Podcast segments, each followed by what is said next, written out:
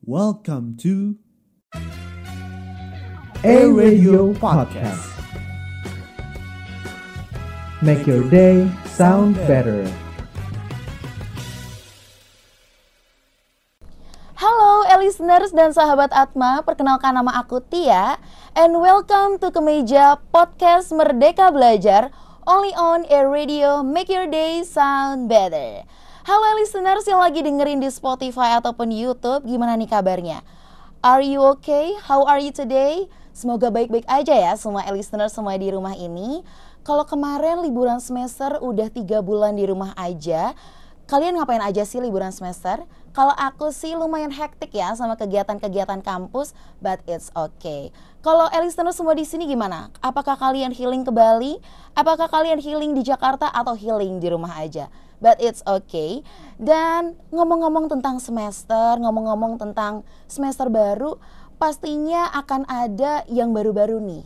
Pasti kalau semester baru, semester 7 udah mulai masuk skripsi, semester 5 itu udah mulai magang, semester 3 udah mulai tambah-tambah SKS ya karena SKS-nya makin berat dan juga untuk semester 1 selamat kalian udah jadi mahasiswa baru Unika Atma Jaya.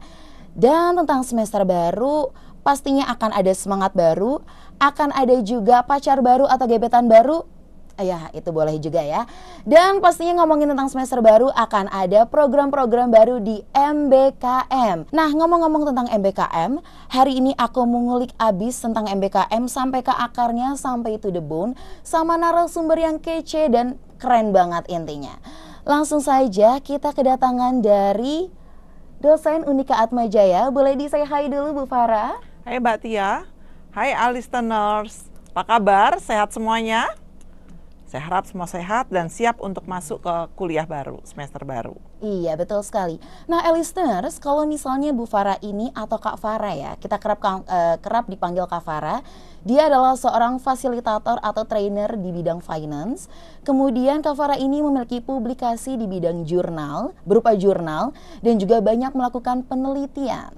Achievementnya itu adalah Kavara ini PIC penerima hibah mikro kredensial MBKM Dikti. Wah, keren banget ya listener semua di sini. Mungkin Kavara ingin memperkenalkan diri lebih kepada listener semuanya? Oke, terima kasih uh, Mbak Tia. Uh, listeners, kenalkan nama saya Kristiana Farah Darmastuti, tapi saya sering dipanggil Farah kalau di kampus dan juga oleh mahasiswa saya. Uh, saat ini saya adalah dosen di Fakultas Ekonomi Unika Atmajaya, khususnya di Prodi Manajemen, ya. Dan uh, kalau ngomong-ngomong mengenai MBKM, uh, eh, sebetulnya lumayan, lumayan banyak. Uh, hmm. Saya berkecimpung di sana. Beberapa kali prodi kami menerima hibah nih, Mbak. Uh, hibah terkait MBKM. Jadi ketika tahun uh, 2021 ada dua hibah yang kami terima.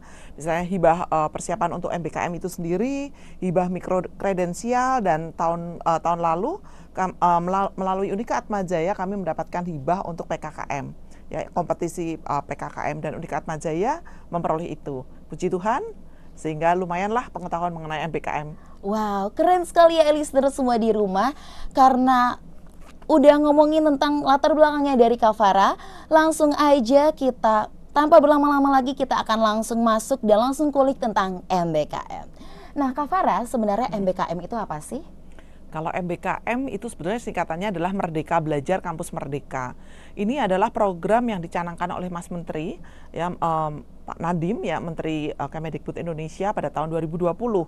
Jadi uh, tujuan dari MBKM ini uh, sangat luar biasa karena beliau berharap melalui program ini dapat meningkatkan kemampuan lulusan melalui uh, baik soft skill, hard skill, melalui berbagai macam program pilihan. Jadi di sini uh, para lulusan itu dipersiapkan menjadi pimpinan dengan program pembelajaran yang inovatif, yang lebih uh, fleksibel ya di luar kampus. Seperti wow, itu. Oke, berarti di luar kampus dengan adanya banyaknya program-program ya pastinya betul, betul. ya. Oke, uh. baik. Ngomongin tentang program, eh, listeners, program apa aja sih yang sering kali diminati atau sering kali jadi peminatnya banyak gitu, Kak Farah? Oke. Uh, untuk program MBKM sendiri sebetulnya ada delapan pilihan nih yang bisa dipilih oleh uh, listener semua. Jadi pertama ada magang, ya, kemudian ada KKN, kemudian ada pertukaran mahasiswa, terus kampus mengajar, studi independen, kemudian juga bisa melakukan riset, uh, mengajar di sekolah, Oh, mengajar, mengajar di sekolah, Oke. ya, dan juga kegiatan kewirausahaan. Jadi macam-macam sebetulnya pilihan yang diberikan oleh pemerintah untuk mahasiswa bisa mengambil MBKM. Berarti gitu. banyak sekali ya peluangnya ya Kak Iya, ya? betul. Dan itu uh, peserta ataupun mahasiswa boleh memilih yang sesuai dengan passion dia. Wow, Gitu. keren sekali. Berarti mahasiswa di sini nggak terbatas cuman satu apa ya, satu kemampuan aja, tapi memang banyak sekali kesempatan yang akan mereka dapatkan ya. Betul. Jadi mahasiswa itu diberi kesempatan tiga semester dalam selama dia kuliah untuk uh, bisa mengikuti MBKM. Jadi tiga semester itu terdiri dari dua semester bisa di luar di luar kampus dan satu semester belajar di uh, Unika Atmajaya, tetapi bisa berbeda prodi Oke, antar prodi baik. gitu. Kalau misalnya itu adalah nasional, apakah ada kegiatan internasional, Kak Farah? Oh ada, ada banget. Ada Bisa sekali. banget. heeh. Eh, khususnya biasanya yang banyak dilakukan oleh para mahasiswa itu adalah kegiatan student exchange. Oke. Iya, jadi pertukaran mahasiswa itu ada yang nasional, ada yang internasional. Nah, eh, sudah dua tahun ini, ini jadi tahun kedua yang diberikan oleh pemerintah yang disebut sebagai ISMA. Isma, oke. Iya, ISMA itu eh, sangat luar biasa. Jadi kalau mahasiswa bisa ikut kegiatan ISMA, mereka itu didanai loh full oleh pemerintah Full. ke negara-negara, kampus-kampus di negara-negara yang eh, ditawarkan. Jadi bisa dari Amerika, Eropa, Asia. Jadi mereka silakan memilih gitu ya. Kalau keterima akan didanai penuh oleh pemerintah. Apakah dana itu hanya terbatas pada biaya kuliahnya atau mungkin akomodasinya atau biaya hidup di sana juga dibiayai? Ya, kalau yang lalu ke- eh, setahu saya itu mahasiswa bisa mendapat tiket. Oke, biaya tiket. tiket, kemudian penginapan, uang saku maupun uang kuliah. Jadi udah mereka full ke sana. Wow. Selain sekolah, mereka juga mendapatkan pengalaman. Betul sekali. Heeh. Mereka juga bisa ya melakukan jalan-jalan bersama Iya, teman-temannya ya pastinya Betul. Dan itu juga didorong oleh pemerintah sih, supaya eh, mahasiswa Indonesia itu memiliki paparan internasional. Mereka memiliki pengalaman dan bisa melihat negara-negara lain di tempat mereka eh, studi. Oke baik.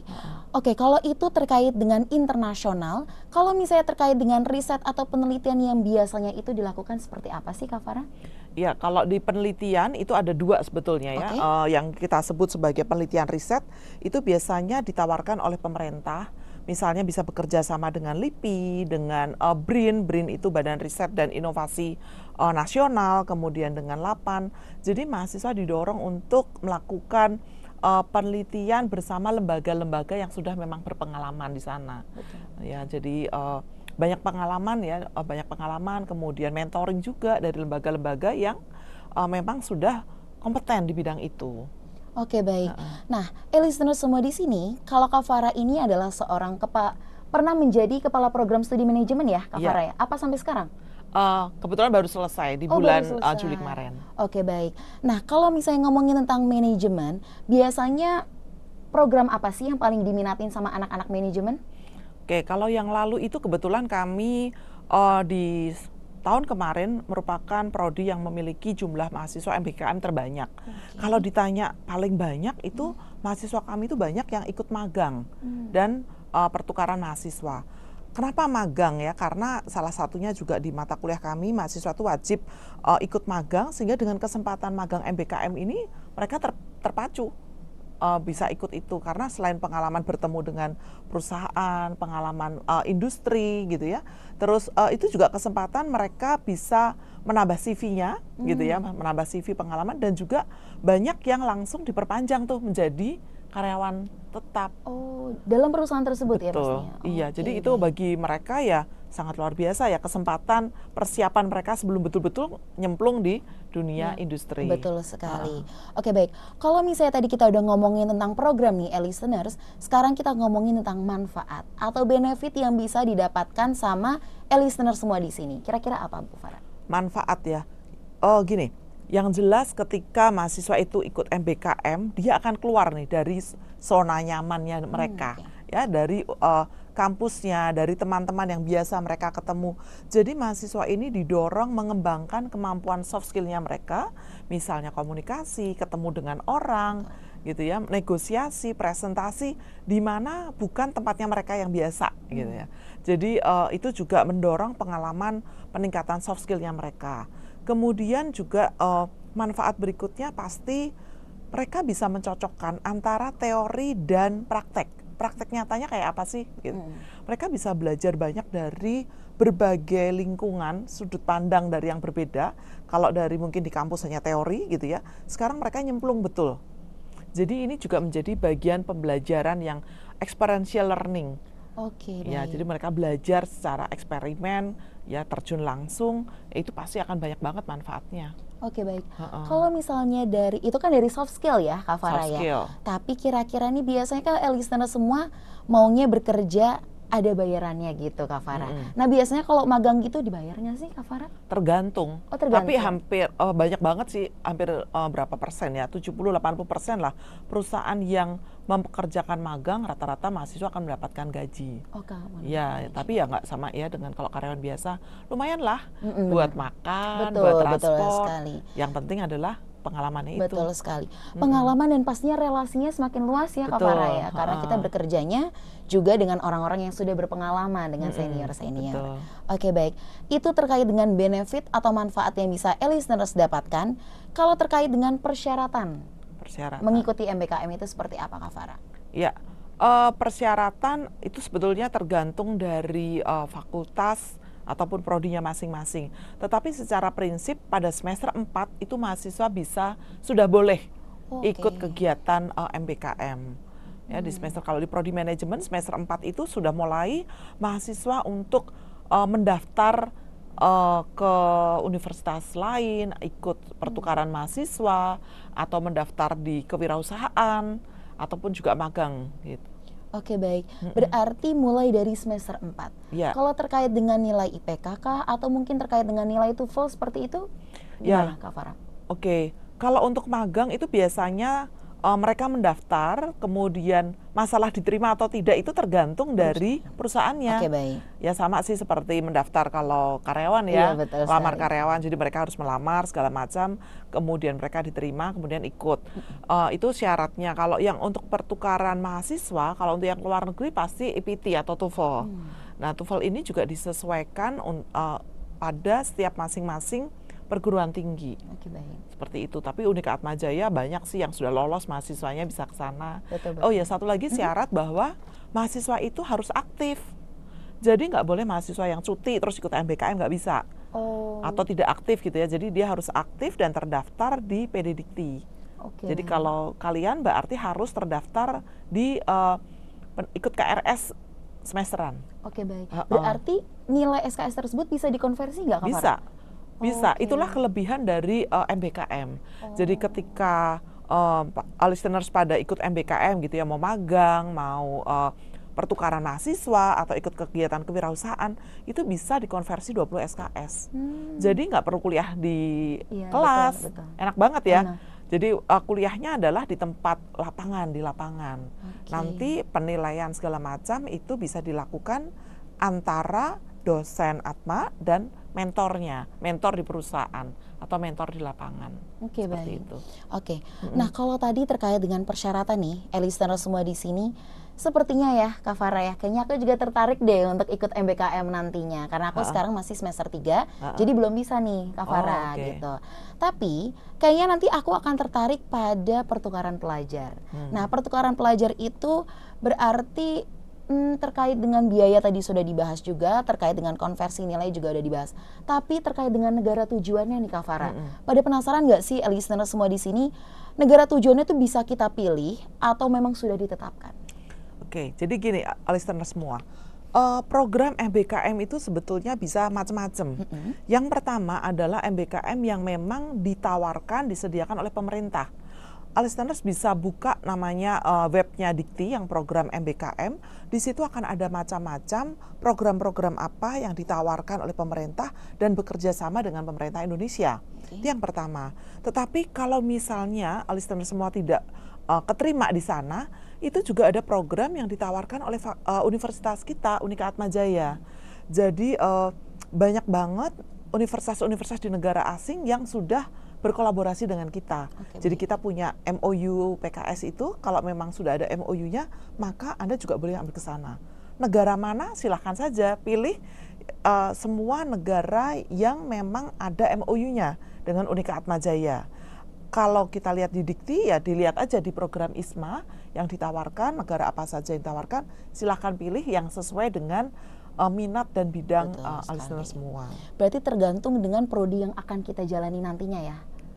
Uh, tidak harus dengan prodi loh. Oh gitu. Uh, luar biasanya MBKM ini adalah Anda bisa nyebrang mau belajar apa pun boleh.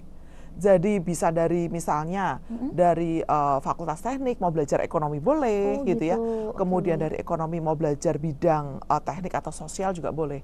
Nah, biasanya tergantung dari universitas-universitas mitra itu dia akan menginfo ke kita. Misalnya misalnya kalau Unika Atmajaya itu banyak banget kerjasama dengan uh, Taiwan Oke. kemudian Korea kemudian di Jerman ya. Uh, banyak mitra-mitra di sana. Nanti uh, anda semua bisa cek tuh bisa lihat di uh, international office-nya Atma yang Oke. bekerja sama dengan kita universitas apa prodinya apa uh, mata kuliahnya apa bisa Oke, kita lihat di sana Wah enak banget ya listener semuanya ternyata di sini kita bisa mendapatkan banyak sekali manfaat atau benefit ya pastinya Kak Farah ya. Dan tentu saja kalau terkait dengan persyaratannya juga pasti mudah. Asal e-listener semua di sini pastinya bertanggung jawab, aktif juga ya selama Ya. perkuliahan bukan berarti harus cuti ya Kak Farah. Iya. Gitu, oke. nggak boleh cuti Oh malah nggak boleh cuti, Nggak boleh iya cuti. pokoknya nggak boleh cuti Harus terdaftar aktif. Harus terdaftar aktif. Iya. Oh iya satu lagi, Mbak. Eh, kalau kita ikut MBKM, kita harus beran- eh, harus bersedia menandatangani yang namanya SPTJM, surat Oke. perjanjian eh, tanggung jawab mahasiswa. Misalnya dia udah keterima nih magang di perusahaan, kan magang juga eh, perusahaan juga punya effort ya untuk eh, nyeleksi segala macam. Maka kita sebagai eh, anda sebagai mahasiswa harus tanggung jawab, harus ikut betul kegiatan tersebut sudah diterima nih di negara mana atau ikut ISMA nggak boleh mundur. Jadi kita harus bertanggung jawab betul? Uh, jadi ada ada pernyataan bahwa harus ikut sampai selesai. Oke baik. Ah Kak Farah, kalau misalnya tadi udah kita ngomongin tentang persyaratan, kemudian ngomongin tentang benefit, motivasinya sekarang dari Kak Farah. Untuk teman-teman semua di sini e-listeners yang mau ikutan MBKM nantinya. Oke, eh, motivasi. Listener semua, ya, banyak sekali kesempatan dan peluang yang bisa Anda peroleh. Zaman saya nggak ada itu, ya. Manfaatkan peluang yang diberikan oleh pemerintah, diberikan oleh universitas maupun fakultas Anda ataupun prodi Anda dalam kegiatan MBKM itu. Ayo tingkatkan kemampuan soft skill, hard skill, siapa tahu menambah ilmu baru, teman baru, dan mungkin kerjaan baru uh, di kegiatan MBKM tersebut. Ya, jadi jika Anda sudah semester 4 ke atas, silahkan join, pilih program MBKM apa saja yang kira-kira cocok dan sesuai dengan passion Anda. Oke, itu semuanya e-listeners, itu adalah motivasi dari Kak Farah. Dan motivasi tadi menutup perjumpaan kita hari ini di episode yang pertama. Terima kasih banyak Bu Farah yang sudah menjadi pembicara hari ini. Baik. Dan e-listener semua di sini jangan ke mana-mana, akan ada episode yang kedua, yaitu isinya adalah sharing dari salah satu mahasiswa. Dan salah satu mahasiswa itu adalah sudah menyelesaikan program MISB atau magang yang bersertifikat. Wah, keren banget ya listeners. Oleh karena itu, jangan lupa untuk follow at Atma Radio, follow Unika Atma Jaya dan juga pastinya subscribe YouTube-nya Unika Atma Jaya dan juga Atma Radio. Oke, langsung aja kita say goodbye. A Radio Podcast, make your day sound better.